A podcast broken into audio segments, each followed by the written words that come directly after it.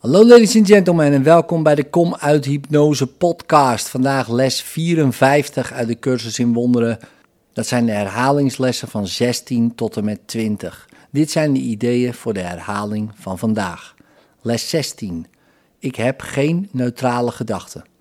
Neutrale gedachten zijn onmogelijk, want alle gedachten bezitten kracht. Ze zullen ofwel een onechte wereld maken, of mij naar de werkelijke wereld leiden.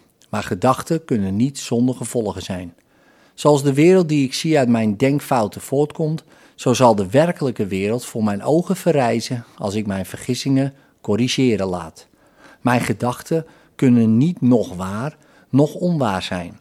Ze moeten of het een of het ander zijn. Wat ik zie, toont mij wat ze zijn. Les 17. Ik zie geen neutrale dingen.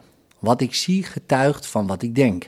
Als ik niet dacht, zou ik niet bestaan, want leven is denken. Laat ik naar de wereld die ik zie kijken als de weergave van mijn eigen staat van denken.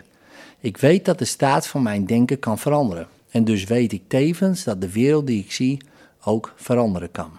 Les 18. Ik ben niet de enige die de gevolgen ervaart van mijn zien. Als ik geen privégedachten heb, kan ik geen privéwereld zien.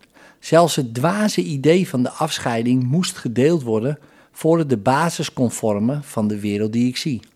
Maar dat delen was een delen van niets. Ik kan ook een beroep doen op mijn werkelijke gedachten, die alles met iedereen delen. Zoals mijn gedachten van afscheiding appelleren aan de afscheidingsgedachten van anderen, zo doen mijn werkelijke gedachten de werkelijke gedachten ontwaken in hen. En de wereld die mijn werkelijke gedachten mij tonen, zal zowel voor hun als voor mijn ogen dagen. Les 19. Ik ben niet de enige die de gevolgen ervaart van mijn gedachten. Ik ben in niets alleen. Alles wat ik denk of zeg of doe onderricht heel het universum. Een zoon van God kan niet vruchteloos denken of spreken of handelen. Hij kan in niets alleen zijn. Het ligt daarom in mijn macht om ieders denken tezamen met het mijne te veranderen, want aan mij is de macht van God. Les 20. Ik ben vast besloten te zien. Nu ik onderken dat mijn gedachten altijd met anderen worden gedeeld, ben ik vast besloten te zien. Ik wil naar de getuigen kijken die me tonen dat het denken van de wereld is veranderd.